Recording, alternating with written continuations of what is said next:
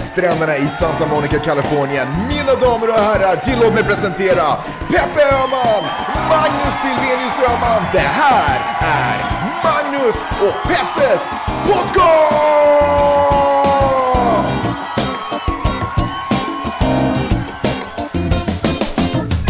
Som vanligt är det en mupp som inte vet hur man kopplar in ett par hörlurar. Du har fel ända intryckt i hörlurarna, Peppe. Ni hör det bra, det funkar ju.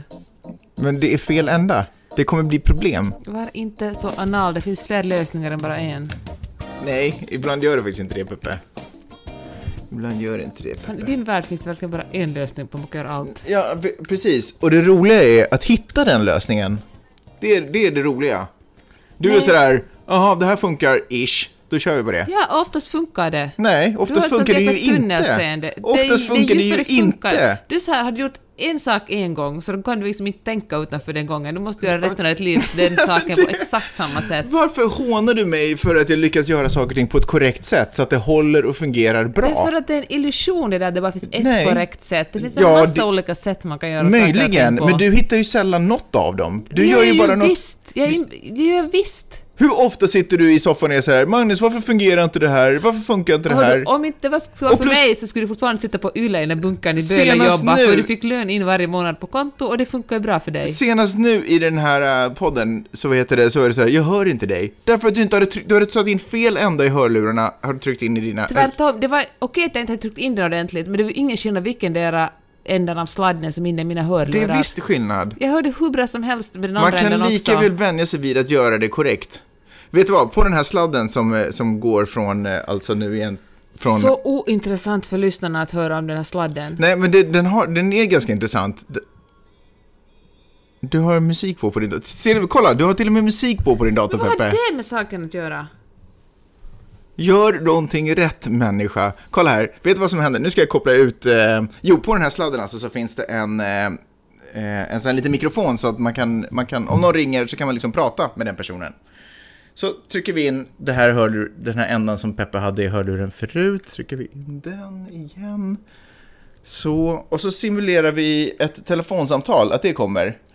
Ring, ring! Det här är en hur, podcast, hur svarar du? Telefon. Ring, Hur svarar du? ring. Ring, ring!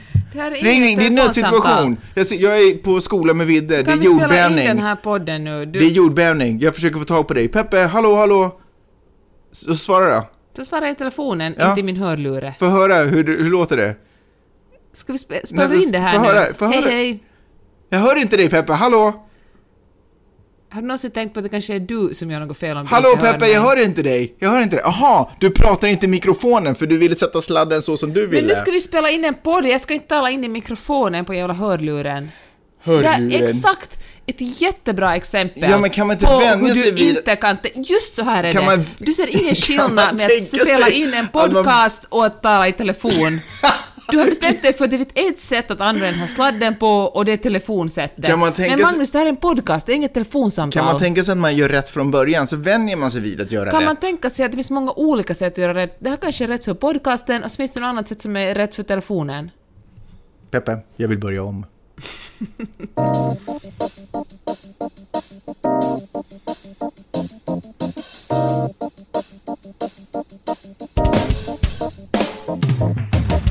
Från de solblekta stränderna i Santa Monica, Kalifornien. Mina damer och herrar, tillåt mig presentera Peppe Öhman, Magnus Silvenius Öhman. Det här är Magnus och Peppes podcast!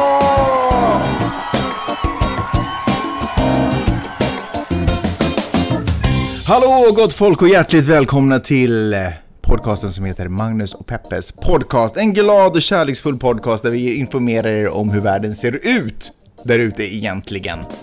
Hej Peppe! Hej Magnus. Hur har din vecka varit? Bra, det är faktiskt bara tisdag så den har precis kommit igång, men det har varit en bra vecka. Är det bara tisdag idag?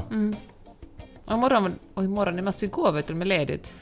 Just det, det är därför jag tänker att det är måndag idag, för det var Labour Day igår. Berätta Peppe, vad är Labour Day för någonting? Labour Day är sommarens sista dag, så igår fick man gå i bikini och från och med idag Men jag trodde att det var... det Alltså det är inte det Labour Day... Winter is coming, som Det är man inte skulle det man säga om man skulle vara en lame citatmaskin. Det är inte det man firar med Labour Day. Sådär, okay. sommarens sista dag. Nå, I praktiken är det faktiskt så. Kan, vi, kan man Då säga så här? Alla, eller har du forskat i det här? Nej, nej, men rätta mig om jag har fel. det är, en, det, är en, det är någonting som de importerar från Kanada. Kanada börjar med Labour Day för att Nej, men arbetarnas alltså, det är ju, det är ju fackets dag. Det här är ju deras första maj. Ja, ja, men det kommer från Kanada. För Kanada är lite mer... Ingenting kommer från USA, det är ett sånt ungt land. Vilket fall som helst, vi har firat arbetarnas dag igår. Det var det vi gjorde, Peppe. Okej, men i praktiken så firar ju alla att det är sommarens sista dag och åker till stranden. Mm. Vi var i Laguna Beach under, i helgen. Eh, vad tycker du om Laguna Beach då? Ja, det är helt okej. Det är liksom en mysig liten turiststad. Jag inser att allting jag har sagt om Kalifornien, in, det är ju inte nödvändigtvis sant, det jag har sagt. Jag har varit såhär, nej men kom, Kalifornien är så soft, alla är så vänliga och trevliga. Man, eh, man, känner sig, man känner att möjligheterna ligger utanför dörren, men så åker man en timme härifrån och så är det en helt annan vibe. Vad tyckte du det var otrevligt i Jag Laguna tycker det var Beach? superotrevligt i Laguna Beach. Jag, jag, alltså det är ju vackert. Havet, supersnyggt. Stranden verkar ju grymt överbefolkad, men fin. Den är överbefolkad av en anledning. Vackra berg. Alltså naturen är ju alltid fin i USA. För att den är så otroligt övermäktig liksom. Men människorna där, det kändes som att vara i, eh, på Kopanjang typ. Jag hade varit där, men jag kan tänka mig. Alltså väldigt så här, turistigt.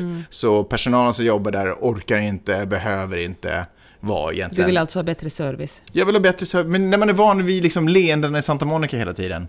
Det är ju, det enda, enda gången jag beskriver USA så beskriver jag ju bara Santa Monica. Det, ska, det kan vara bra att veta när ni hör mig prata om hur fantastiskt underbart det är i USA. Det är in- inte nödvändigtvis så tydligen, utan det är Santa Monica, på den här gatan egentligen, faktiskt om vi ska vara helt ärliga. Men du hade ett helt annat intryck eller? Ja, alltså, jag tyckte det var ganska dyrt och kanske lite drygt, men... Ja. Men det var ju en trevlig liten utflykt tycker jag. Jag tycker ju alltid om utflykter. Abs- Jo, jo, på så sätt, men jag bara menar platsen, om man ska recensera den. Eh, en annan grej som man skulle kunna informera dig om är att eh, pandorna har återhämtat sig. Ja, men det vet väl alla. Ja, men det är väl roligt? Eller de är väl inte... Förlåt, om det här är en tävling vem som är mest besserwisser, Nej, det går inte att ha den tävlingen, Peppe. så det var du som tog upp Labour Day, måste jag säga. Jag skulle besserwissra dig om det var arbetarnas dag. I alla fall, så pandorna är inte extremt utrotningshotade, de är bara utrotningshotade. Ja, förlåt. Saker som fort, eller djur som fortfarande är otroligt utrotningshotade är ju fortfarande vattensköldpaddorna. Gorillorna. Gorillorna är super... Elefanter, noshörningar. Eh, det var någon kalifornisk tumlare som jag inte har sett av förklarliga skäl förstås, för den är superutrotningshotad. Och någon form av jaguar någonstans. Men superkul för pandorna. Eller hur? Ja, Vad, har, vad, vad händer? Vad är det? vadå? jag trodde skulle komma med något vi kan diskutera, inte bara räkna upp en lista. Okej, lyssna på det här då. 350 år sedan London brann. Jaha. Oh! Los Angeles fyller typ 200 någonting, 245 eller Men det något var inte födelsedagen vi ska diskutera, vi ska prata om 350 år sedan London brann. Hela London stod i lågor. Och det som är, det jag tyckte var lite intressant med det där, för det första måste jag bara säga att de gjorde en ganska fin, de firade det här, eller uppmärksammade det här, jag vet inte, kan man fira att London brinner? Det låter ju skitkonstigt. Har, har det fört med sig något gott av att London brinner? Eh, men de eh, eh uppmärksammar uppmärksammade det här genom att bygga en form av eh, liksom replika, eller en silhuett som de satte ut på havet och tuttade eld på, så då åkte den på vattnet där mitt i natten. Det var så tydligen väldigt fint ut, jag såg lite bilder. Men, vet du hur... Berätta gärna mer om vad du har sett på Ja, internet. lyssna. Vet du hur Londonbranden startade? Och vet du vem som fick skulden? Det var något som rökte eller var i sängen. Nej, det, nej okej, på sån detaljnivå vet jag inte. Men jag kan säga så här pass mycket. Vet du vilka som anklagades? Kvinnorna. Nej, men all, massa nyinflyttade immigranter och sådana saker. Emigranter. Ja, emigranter. Nej, Immigranter. immigranter var det som anklagades. Det var så här, åh nej, nu kommer de hit till vår stad och tänder eld på den. Eh, så de, det blev ju katastrof där naturligtvis, och folk blev ju galna som folk alltid blir när det uppstår katastrofer. Så de sprang runt och försökte få tag på, eh, du vet, alla, det var liksom Sons of Odin ungefär som sprang omkring där på Londons gator. Men branden hade startat i ett bageri. Typiskt jävla bagare. Ja, men där lär vi oss. Det, historien förändras. Det är alltid när det uppstår någon katastrof, när det känns lite jobbigt och lite tungt, och det är så otroligt lätt att peka finger på folk som inte ser likadan ut som man själv gör. Mm. Okej, det var Det en bra sjukt poäng. ju. Det var en vidrig men bra poäng. 350 år, ingenting har förändrats. Okej, jag skulle tala om, eh, köra lite mediekritik, för den här podden kan handla ibland om det. Mm. Och du var inne på svenska Yles sidor och eh, som, de har en sån här hälsosida här, en underrubrik, det här är alltså public service, som handlar om vad olika, vad olika människor äter. Och eh, då är det här en intervju med någon som äter, rubriken är biff med bearnaisesås till frukost.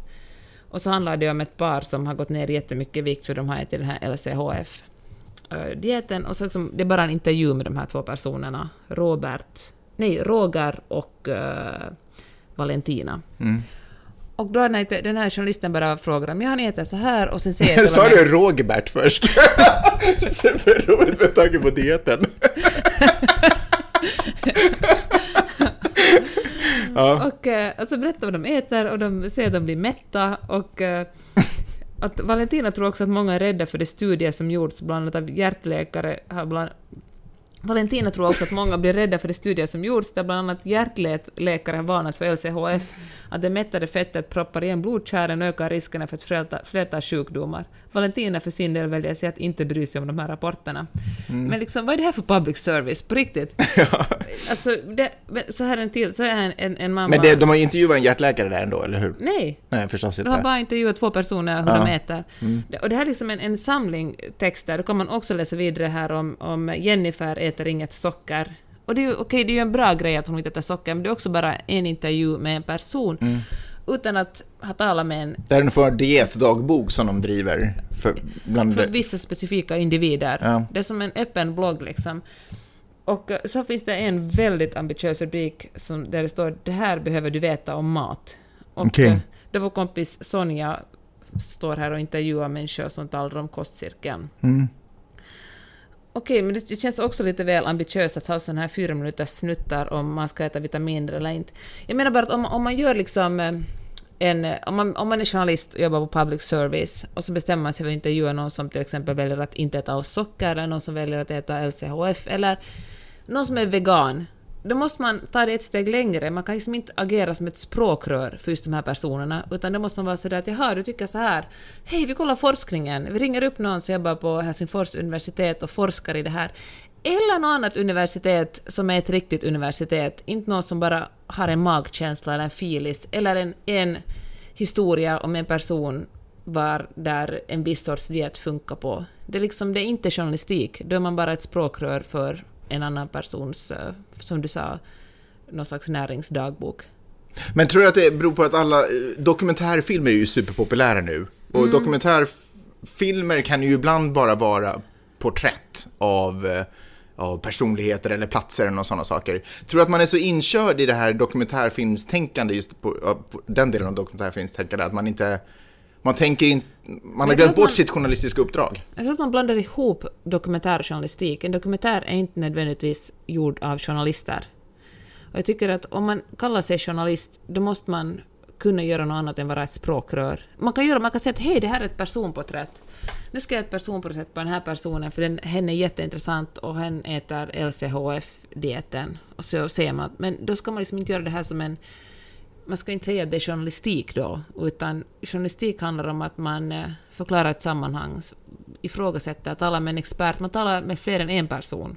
Och då måste den andra personen oftast vara någon annan än den första personens man eller fru. Mm. Alltså jag tror det bara handlar om lättja, eller att folk är lite osäkra på deras journalistiska uppdrag, eller Ja. det journalistiska uppdraget. I ett reportage så är det inte helt ovanligt att man har ett case eh, för, att, för att väcka känslor kring en, kring en story. Nej. Sen så pratar man med, eh, med, expert, med, eller med, kun, med sakkunniga ämnet på något sätt. Eh, antingen någon form av läkare då i det här fallet, eller nå- någonting annat. Och sen kanske en politiker, hur, hur ser lagstiftningen ut kring det här? Men här har de verkligen bara stannat vid caset. Precis. Det är det enda de har. Sen finns det inget, det finns inget matnyttigt.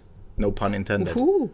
Men jag tänker på det här ju- motsvarar lite det som DN gjorde, som vi talade om förra eller förra, förra veckan, när DN hade en lång text om eh, hur farligt det är för barn att spela Pokémon Go. Hur liksom, att, så vad hade de, den här journalisten hade då läst en bok som hette, som var skriven av en, en, eh, en psykolog. Och när psykologen hade liksom hade sagt så här och så här länge, det här är bra skärmtid för barnet och, eh, och det här, om hänger man för mycket på att spela Pokémon Go eller andra spel så då kan det leda till psykisk ohälsa.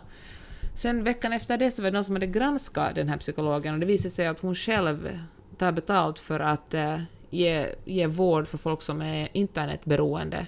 Det finns ingen diagnos som heter internetberoende. Det är hittepå. Det är bara en... Alltså det är någonting som folk tjänar pengar på att så att säga bota andra människor från internetberoende. Medierna P1 hade faktiskt också en, ett reportage om det här, de granskar liksom psykologer då som, som ger vård det här. Och då måste man ju tänka, då kunde den här första journalisten som skrev den här texten kunde jag kolla med en annan källa än bara en psykolog. Mm. Men två saker skulle jag känna här nu. Eh, det första är, är inte det här the sign of the times, att vi alla är experter? Vi, vi, så här, jag, vä- jag, jag, men som de säger i den här artikeln också, så här, jag väljer att inte tro på det forskarna säger om det här, utan jag väljer att gå på min egen känsla. Min känsla är min fakta. Och alltså kan jag luta mig tillbaka mot den. Att vi alla, och, ja, Fast jag tror inte, alltså ja och nej, alltså jag tror inte folk var smartare eller hade var bättre förut på något sätt. Folk hade liksom mer på något sätt var mera mediekritiska förut, att man var så att aha, det här kollar jag upp. Men Nej, men om vi tittar vår, äl- vår föräldrars generation, liksom, när de hör någonting på radio, då bara oj shit, det var där. Du vet att de Mm. ser ju ändå, i förhållande till sig själva, så ser de ändå att de som pratar där är kunniga och jag har möjlighet att lära mig någonting av det här. Och nu glider ju alla runt och säger nej men jag orkar inte lyssna på det de har forskat i, jag kör min egen grej. Ja, man googlar och tänker LCHF bra. Ja. Och sen kan man liksom skräddarsy sina egna resultat. Precis, och sin egen eh, tro. Ja, men det är kanske sant, man kan få mycket större bekräftelse för sin egen tro. Förr Ja. fanns det liksom, kunde man lyssna på radio eller på TV, det fanns det bara en åsikt som inte nödvändigtvis var rätt den heller. Jag säger inte att alla journalister var så mycket bättre på den tiden. Nej, men har inte vi liksom journalister på något sätt lite grävt den graven själv när vi börjar citera bloggare, så åsikter och när vi liksom vänder oss från experter till vanliga människor? I den egenskap att bloggare är vanliga människor. Ja, kanske, ja, ja det är ju såklart, det är klart man kan inte ta en, en blogg och man säger att hej nu ska vi diskutera LCHF eller, nå eller vegan eller något sånt, så tar man liksom en bara random annan människas åsikt istället för att ta en, en experts åsikt. Det är ju såklart fel. Sen tycker jag det, inte vet jag om bloggare, vet jag som exempel bloggare, det, Ja, men därför att, därför att det, det finns, alltså vem som helst kan ju blogga. Vem som helst kan ju sätta upp en Man blogg och berätta och tycka och och pra- någonting. ja. Men om man till exempel, eh, förlåt nu hänger jag bara ut någon, men om man till exempel citerar en bloggare, en finlandssvensk bloggare som heter Malena May. Om man citerar hennes blogg, vad är, liksom, vad är hennes expert, förstår du vad jag menar? Att hon, vad, liksom, varför? Jag menar, du menar att man kan ta henne som case? Hon Ja. kan berätta om att hon blev mobbad? Exakt, och sen så vänder man sig till experter Ja. och folk som har gjort någon form av efterforskning på det. Man litar inte på, alltså, alltså Mm. Sen vanliga kan man ju människor... vara både forskare och bloggare. Jo, jo, jo, men jag menar ju bara vanliga människor som uttrycker sig. De flesta är ju bara vanliga tyckare som vill bli kända på nätet. Men jag tror liksom. att det är liksom ett Eller problem Instagram. också, att, att folk tror att alla åsikter är lika mycket värda. Men, Ja, fan, men det här precis. vi talat om tusen gånger. Jag vet, vi har det, men det kommer ju tillbaka till det här. För nu, tror, nu har ju journalisten tänkt att de här människorna som har gjort, lagat mat här till sig själva, att deras åsikter är lika mycket värda Ja, som forskare. exakt. Det är ju exakt det. Vi- de är så det det här funkar för oss. ja. På tal om det med åsikter är lika mycket värde, jag skrev någonting om... Eh, jag bloggade också på Hufvudstadsbladet, så skrev jag om eh, mångkultur och hur roligt jag tycker det är att det liksom... Åtminstone folk, eller barn från sju olika länder som går på videsklass nu för tiden på ettan i Roosevelt. Och eh, så var det någon typ som kommenterade, det är bara rasister och, och, och sexister som kommenterar på Hufvudstadsbladet, men någon som skrev under eh, pseudonymen Fred Flinta och skulle förklara för mig hur mångkultur är samma sak som typ hedersvåld och att tvinga burka på kvinnor. Och, eh, och, sen, så, här- och, så, orkar, och så har jag så här, på, jag har så här princip där att om man är superrasistisk så, jag, så godkänner jag inte ens den kommentaren, men ibland låter jag folk kommentera. Men så skrev jag så här att svarade honom att sorry, att om du inte kan, liksom, om du inte ens kan kommentera under ditt eget namn så då får det vara, jag tänker inte gå och diskutera om det. För jag tycker det är fel, jag är ju det med mitt Mm. eget namn. Ja, Vill han prata med mig kan han sätta sitt eget namn. Ja. Och så kom han just med det argumentet att nej, att ett argument är alltid ett argument. Och jag tänkte att men hur kan man vara så dum i huvudet? Det är klart det är inte ett argument, det är inte ett argument. Det beror på vem som säger det, vad, vad den personen har för bakgrund. Om man är så feg att man inte ens vågar diskutera under sitt eget namn, då är ju ens argument noll värt. Mm. Och mitt argument är till exempel noll värt om jag diskuterar med en forskare, någon som har forskat, för att nu fortsätter tjata om vare sig det är mångkultur eller LCHF eller om det är skärmanvändning, så är mina argument helt oviktiga om jag talar med någon som verkligen har forskat i det här, Ja. som har skri- doktorerat i det här. Då är faktiskt mina argument eller mina åsikter mycket, mycket mindre värda. Alltså mänskliga rättigheter och allas åsikters lika mycket värde, det är inte samma sak. Icke att förväxlas med dina frågor, att du kan ändå fråga saker och ha ändå funderingar. Men hur fungerar det här hur fungerar det här? Och i Ja, de det fallen är finns det inga dumma frågor. Men ibland så tror jag att folk förva- liksom förväxlar det där. För vi har blivit itutade att det finns inga dumma frågor. Och så har man på något sätt lite förväxlat det kanske med att det finns inga dumma argument. Men det finns otroligt dumma argument. Och det finns verkligen tid då man inte ska prata och tid då man kan prata. Precis, och yttrandefrihet och att få säga precis vad som helst, var som helst, är inte heller samma sak. Men hörru, är inte det här äh, demokratins fel? Hur menar du? Ja, men demokratin uppmuntrar ju oss att tro att vi har en egen röst och att vår röst är viktig. Ja, okej, jag skulle inte skylla på demokratin. Jag skulle skylla på... Det här, det här, sådana här saker skulle ju aldrig hända i en fatalistisk eh, kommuniststat, typ. i en eh, diktatur Ja. där man får liksom bli mördad. Och där, där myndigheter bestämmer, liksom. Mm. Då ska man aldrig vara sådär, men jag har ett argument. Men kanske demokrati är frihet under ansvar. Mm. Och då kanske man måste ta till sig de delarna. I en demokrati måste man... Ansvaret kanske handlar om att utbilda sig och förstå. Och det menar jag inte att man ska utbilda sig som man är expert på alla frågor, utan man ska utbilda sig så man förstår när man inte är expert på alla frågor. Eh, apropå det där som du snackade om, jag ser att du redan har tagit upp den sidan faktiskt, men det där som du snackade om att eh, svenska Yle bara blev ett språkrör nu för de här människorna som tycker om att äta bearnaisesås på morgonen. Eh, det finns en ny tidskrift, jag tror att den är ganska ny, som heter Amos Arv. Ja, det kom ut typ i förrgår. Ja, det var första numret som kom Mm. ut. Okej, ja. Som eh, ska vara någon form av finlandssvensk version av Filter, tänker jag mig. Eh, eller hur? Gräv, Grävande journalistik. Mm. Ja, eller hur? Man försöker gå på djupet. Ja, kanske det. Och det är inte sponsrat av, det är ju det är ju för sig, men det är åtminstone inte sponsrat av de stora... Det väl crowdfunded? Ja, exakt. Men också kommer det väl en del från det här stora förlaget som fick Mumin. Just det, jag tror Det de är med. Ja, det är sant, de är samma... Åtminstone med marknadsföringen. Ja. Ja. Åtminstone med marknadsföringen har den hjälpt Ja. till och sådär. Men anyhoos. Eh, de, Filip Teijer skrev ju en, eh, en artikel om den här, där han kritiserade dem för att just vara språkrör. Amos Arv heter den. Ja, Amos, att tidningen skulle vara Amos, äh, tidningen Amos Arv skulle också vara språkrör. Därför att de För, bara, bara för att de gör en intervju bara.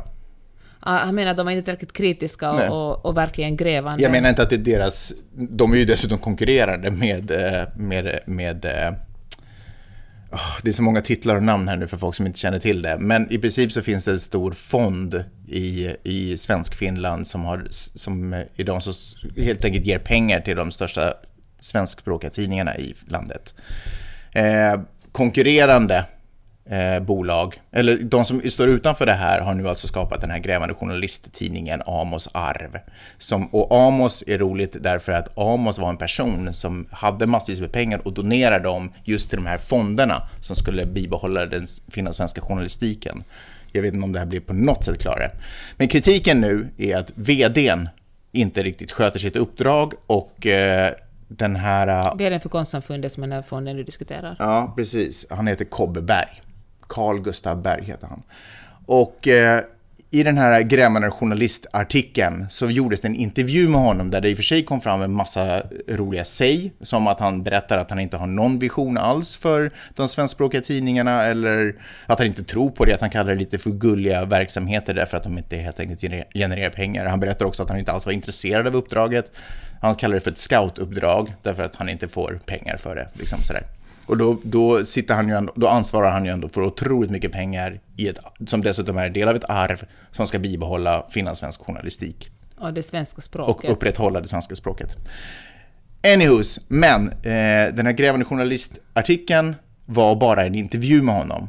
Hens har de blivit kritiserade av Hufvudstadsbladets eh, redaktör Filip Jag är bara som frilansare på Ja, okej, Hufvudstadsbladets frilansare Filip Teijer för att eh, också, vänta vad var ordet som är nu, eh, man bara, Ett språkrör. ett språkrör. Vad säger du? Ah, alltså, det är svårt att säga eftersom jag inte själv fått tag på den här Amos Arv-tidningen. Så jag har ju bara läst om den. Mm. Så det kan ju vara att det går djupare ner. Men om det är så som Filip skriver, att, att de verkligen bara gjorde en intervju, en, en intervju som då lär vara lite djupare än någon annan intervju som har gjorts med, med Carl Gustav Berg tidigare, så är det ju inte speciellt grävande. För det är ju samma sak, man stannar vid caset, Ja. eller hur? Man liksom kollar inte på maktkoncentrationen, vem känner han? Sen gjorde Yle... Och diskutera problematiken Nej, kring det. precis. Med folk som förstår att diskutera problematiken. Ja. Men jag undrar, kanske, det, kanske Svenskfinland är för litet, folk bara vågar inte göra det. Eller, för mig, jag tycker ju att den journalistiska kunskapen skulle finnas där. Att det här saker, de är ju jätte, två jätteduktiga jour- journalister som har just satt ihop Amos arv. Att de skulle ha den kunskapen hur man gör ett riktigt grävande reportage. Och ett grävande reportage är inte grävande om man bara intervjuar en person som man, som man ska gräva i liksom.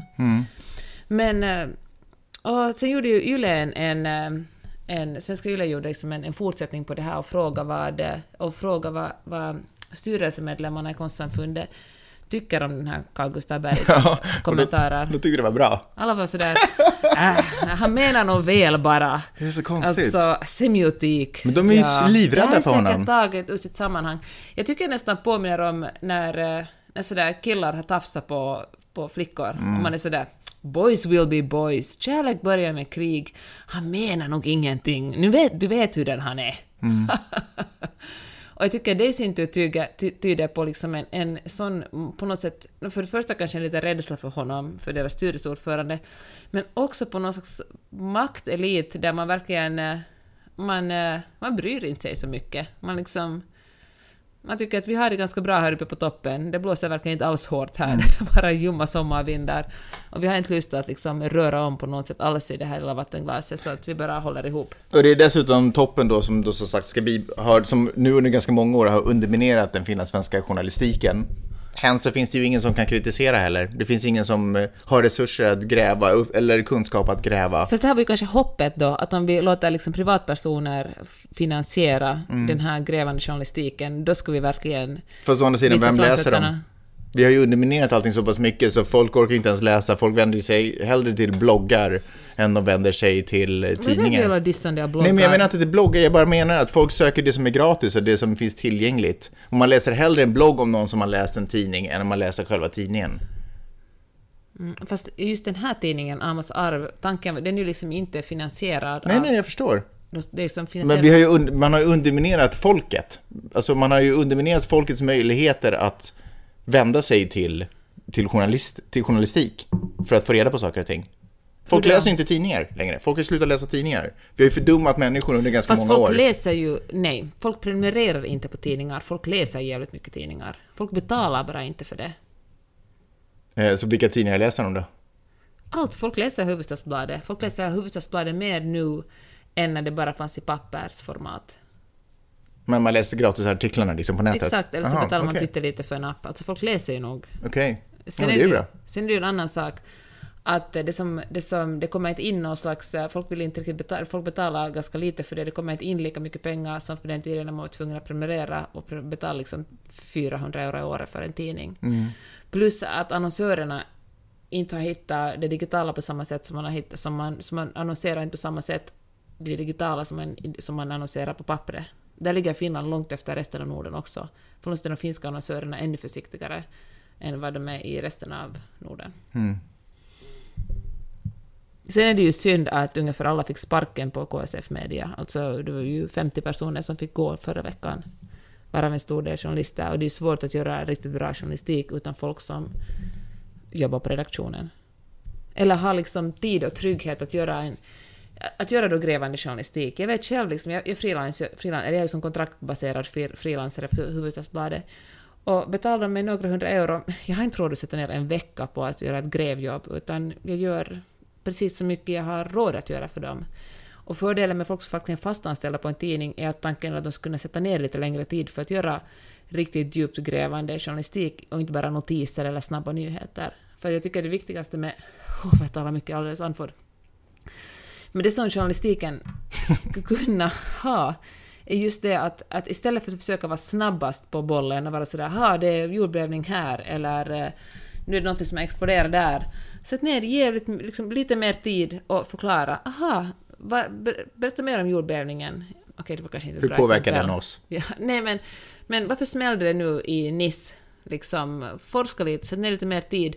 Sätt ner jävligt mycket resurser på att hitta en finländare som råkar finna sig liksom 50 kilometer norr om Nice och fråga hur hen har påverkats av att det sprängdes där. Det är fucking helt ointressant. Sätt ner istället resurser på att förklara varför sammanhanget... ha- Sker det mer eh, explosioner i Europa nu än för 10 eller 20 år sedan? Är det, lever vi i en våldsammare värld? Eller inte? Nu får du tala lite. Fast vill man inte ha det där caset ändå också? Ja, men man måste välja. Man måste välja liksom att, att eh, leta upp den där personen i 50 kilometer norr om Nice och fråga hur hen känner sig. Eller sätta ner lite tid på att förklara ett sammanhang, så det väljer jag sammanhanget. Folk har ju, folk liksom... Det är också det att, att uh, Hufvudstadsbladet eller Västra Nyland, Östra Nyland, vilken lokaltidning som helst är ju inte den enda nyhetskällan folk använder sig av. Utan vill man ha snabbare nyheter så är det liksom CNN eller Reuters eller New York Times eller de här liksom större motorerna snabbare på plats och då tar man ju uppgifter därifrån och sen vill man ha liksom kanske längre läsning från sitt eget medium. En rolig grej är att du har målat ditt ena ögonbryn mycket tjockare än det andra, så du ser hela tiden lite så här tveksam ut till vad jag säger. Så det är väl kanske därför jag inte fattar. älskling, det är inte ögonbrynen. Vad är det då? Det är att jag är tveksam till vad du säger. Okej. Antibakteriell tvål ska förbjudas i USA 2017. Är det Eller var det? Kalifornien det är 2017? Eh, därför, det här är det sjukaste jag var med om. De, inte nog med att man inte kan bevisa att det faktiskt dödar, att det är antibakteriellt. Ämnena som man har satt in för att göra, för att göra det då antibakteriellt, man kan inte bevisa att de är ofarliga heller. Så inte nog med att man liksom har en värdelös tvål, man har man dessutom in sig med bajs liksom. man har dessutom gjort en giftig värdelös tvål, ev- eventuellt. Det är det konstigare. Och det roligaste är att eh, man kan fortfarande köpa den, men den kommer förbjudas 2017. Varför ska man köpa någonting som man vet kommer förbjudas 2017? Alltså, det, är så, det är så roligt. Det Och det dumma är att jag köpte det till, för det var på listan som man ska köpa till vidare till skolan. Så du måste, just fan, jag måste gå till klassrummet nu och säga att den där tvålen får ni inte använda. Alltså det är sådana tvål som man eh, inte sköljer av. Äh, nej, nej, nej, det är ingen sprit, utan antibakteriell, alltså vanligt soap, så står det att det är antibakteriellt. Jaha, men De- det är egentligen bakteriellt. De här... Ja, men det är egentligen, det är egentligen bakteriellt. Eh, alltså, de älskar ju att... De, är så, de har valt några... Eh, vad ska man säga? Stöd... Vänta. Vid- Käpphästar. Nej, men i Viddes skola så har de några sådana ord som man så här, när man ser dem så ska man reagera liksom. Och de har valt några sådana ord här i det amerikanska kommersialistiska butiksnacket. Det ena är fat free, Ja, eller non-fat. eller non-fat ja. Och det andra är... Fat eh, free. Jag tror du bara översätter det från fat free. Fat free. Och det, eh, det andra är antibakteriell. Eh, det står alltid så här, kills 99.9% of the germs, antibacterial. Så det är en basilusk som står kvar på toppen. Eller 0,1 basilusk. Eh, och så det tredje är no added... Vänta, no added sugar. Tror jag. Mm. Men sen så är det ändå sådana här fake socker som inte är då klassificerat som socker. Ja, men exakt. Något sånt här. Eh, så det, det, kan man, det ser man överallt. Hyllorna är bara mat. Mm. Det går inte att få tag på en vanlig produkt mellan de här produkterna därför att det är bara det. Det, det går från, eh, det går liksom från inget socker till antibakteriellt till inget fett ungefär. Och alla vet att det är dåligt men ändå så äter folk det. Eller vet de? Det jag tror att alla vet faktiskt. Det finns en stor fruktdisk. Det är ingen som har missat att den är bra att ta saker från, liksom. Eller grönsaksdisken.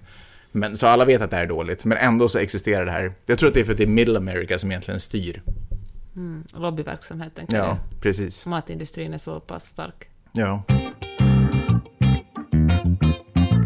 Jag har läst en uh, krönika i Svenska Dagbladet av Ivar Arpi som på rubriken är ”Inga vita får kommentera”.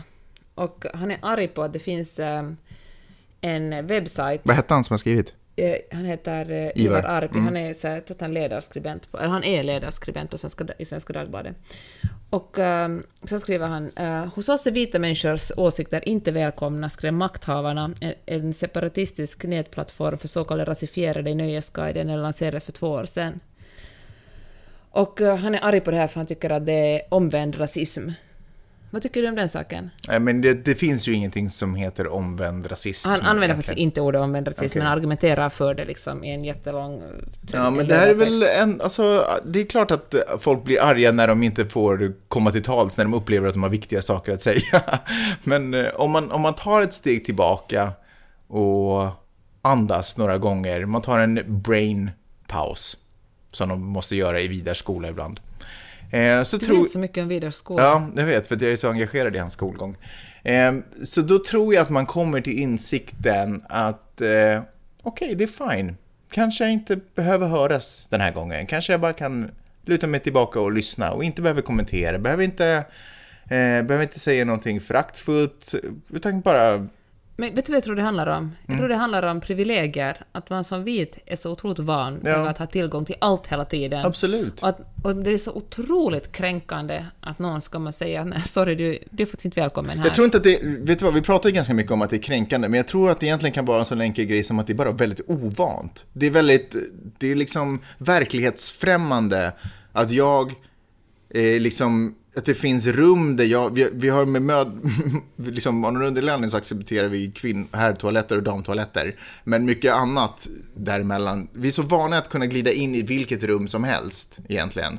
Och ganska själv, ganska lätt säga vad vi tycker och, och tänker. Och, och det, det verkar också, det är som att det finns en, det finns en, nästan en förväntan på, eller vänta, inte förväntan, men det är som att vi tror att folk faktiskt är intresserade av, Du vad- talar nu i egenskap av vit man. jag talar i egenskap av mig. Vit mediaman. Ja. Att det finns, eh, att, liksom att folk faktiskt är intresserade av, för det är så många gånger som man har blivit behandlad, som jag har blivit behandlad på det sättet när jag kommer in i ett rum och så är det kanske lite tyst och så, så förväntas jag säga någonting. Och då blir det så otroligt konstigt om jag glider in på ett rum, eller, och det här kan ju nu vara ett virtuellt rum, eller så kan det vara ett fysiskt rum. Eh, och så förväntas jag inte säga något, eller så finns det ingen som bryr sig om vad jag, vad jag tycker och, och tänker. Och jag tror att det är bara så otroligt ovant. Och då blir man liksom lite stött. En annan, en annan exempel sån här Ivar Arvid... Får jag, får jag bara säga en sak till? Såklart Magnus, det är klart du ska få säga. Ja. Det är klart att din röst ska höras i den här För, podden. för vilka är det som, alltså, som vit pojke, så det enda jag drömde om var ju att få växa upp och bli tagen på allvar någonstans. För att precis lite så som det är med Vidde också, när han säger någonting som är superointressant så är vi så här, sluta prata vidare. Nu lyssnar du på vad vi säger, du måste sätta på dig byxor, strumpor och skor så vi kan gå iväg. Ja, men jag skulle säga, nej, du ska inte säga någonting, nu ska du göra så som vi säger, eller hur? Så det enda han drömmer om är att få växa upp och bli en person som får tala om för andra hur det ligger till och hur det är och hur, hur man Fast kan... jag tror inte det där är helt samma sak ändå. Jag tror att, att, eh, den här, att den här ledarskribenten blir så provocerad är för att han är en vit medelålders man och dessutom ledarskribent. Och att han är bara van att han fan ska höras överallt. Och det är otroligt provocerande att någon inte släpper in honom. En annan motsvarande exempel som man nämner är Facebookgruppen Varför apor aldrig bär rosa klänning, eller rosa som du säger på ditt språk, som jag faktiskt eh, hör till den här Facebookgruppen.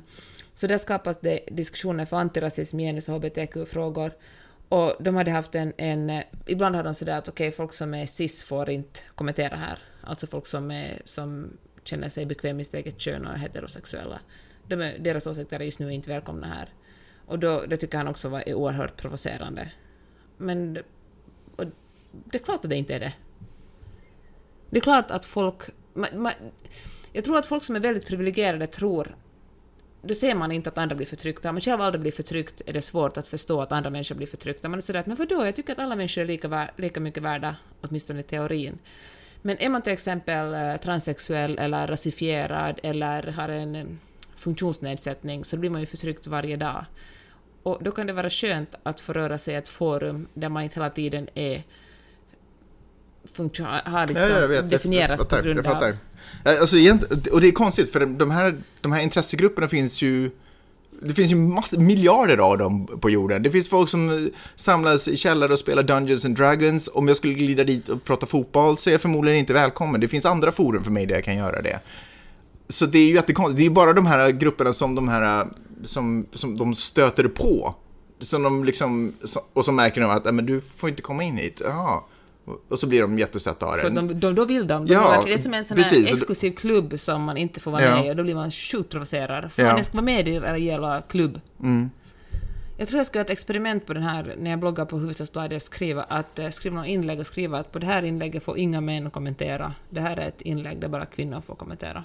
Men det är ju sådana saker som gör det provocerande. Det är ju skillnaden mot en eh, Drakar och Demoner-klubb, att där är ju sådär, alla är välkomna in så gillar Drakar, drakar och Demoner. Man säger inte sådär, ni som gillar fotboll får inte vara med i den här gruppen. Här pratar vi drakar och demoner. Fast jag tycker att det är lite relevant. Det anknyter till en annan text jag skrev, som jag inte skrev, men som jag läste i veckan av Åsa Bäckman. Det är inte nödvändigtvis samma sak, men jag förstår vad du menar. Åsa Bäckman skrev om hur eh, otroligt trött hon är på att kvinnor ständigt bekräftar och ställer frågor till män. Att man är såhär ”ja, nu berätta mer” och män inte ställer en enda fråga tillbaka. Otroligt vanligt fenomen. Man sitter och frågar och frågar och frågar och snubben, bordsherren eller vem man nu pratar med på en fest bara svarar på frågor. Och man bara okej, har du verkligen, är du så ointresserad av mig att du inte ens kan ställa en endaste liten artighetsfråga? Och jag tror att, att det på något sätt anknyter till de här grupperna, att män blir så otroligt provocerade av att inte känna sig bekräftade. Män är helt enkelt mycket vanare vid att få bekräftelse på att de är intressanta. När män eh, pratar det upplevs genast som lite viktigare. Och när, du vet den där, den där experimenten man har gjort att, att man har både kvinnor och män i ett rum och när, när, man tar, när kvinnor och män talar ungefär lika mycket, 50-50, så det upplevs som att kvinnorna har dominerat helt. Men när männen pratar 75% av tiden och kvinnorna 25% av tiden, så det upplevs det som om, om folk skulle tala ungefär lika mycket. Som i den här podden ungefär. Tycker det har varit ganska jämnt fördelat. Hörni, eh, det var allt va? Får jag bara säga att eh, Alltid är sista ordet. jag älskar att klä mig i James Pierce. Så jäkla, alltså jag är helt besatt av de där kläderna. Jag måste ha mer, du måste ge mig mer pengar Peppe, för jag måste gå och köpa fler James Pierce-kläder. Kommer du ihåg när jag introducerade dem till dig? Alltså, det, Du ville ju inte ens. Jag vill inte ens gå på den där äh, försäljningen av de kläderna, men när jag, sen jag fick på mig den första t-shirten och insåg hur det känns att vara i himmelriket, så är det det enda jag vill ha på mig. Har de kalsonger förresten? Jag måste googla. Okej, men hörni, eh, tack för att ni har lyssnat. Nu är det okej att äta jättepanda igen. Ja, det är okej att äta jätte... Speciellt på morgonen med bearnaisesås. Tack för att ni har lyssnat, vi hörs nästa vecka. Hejdå! Hej!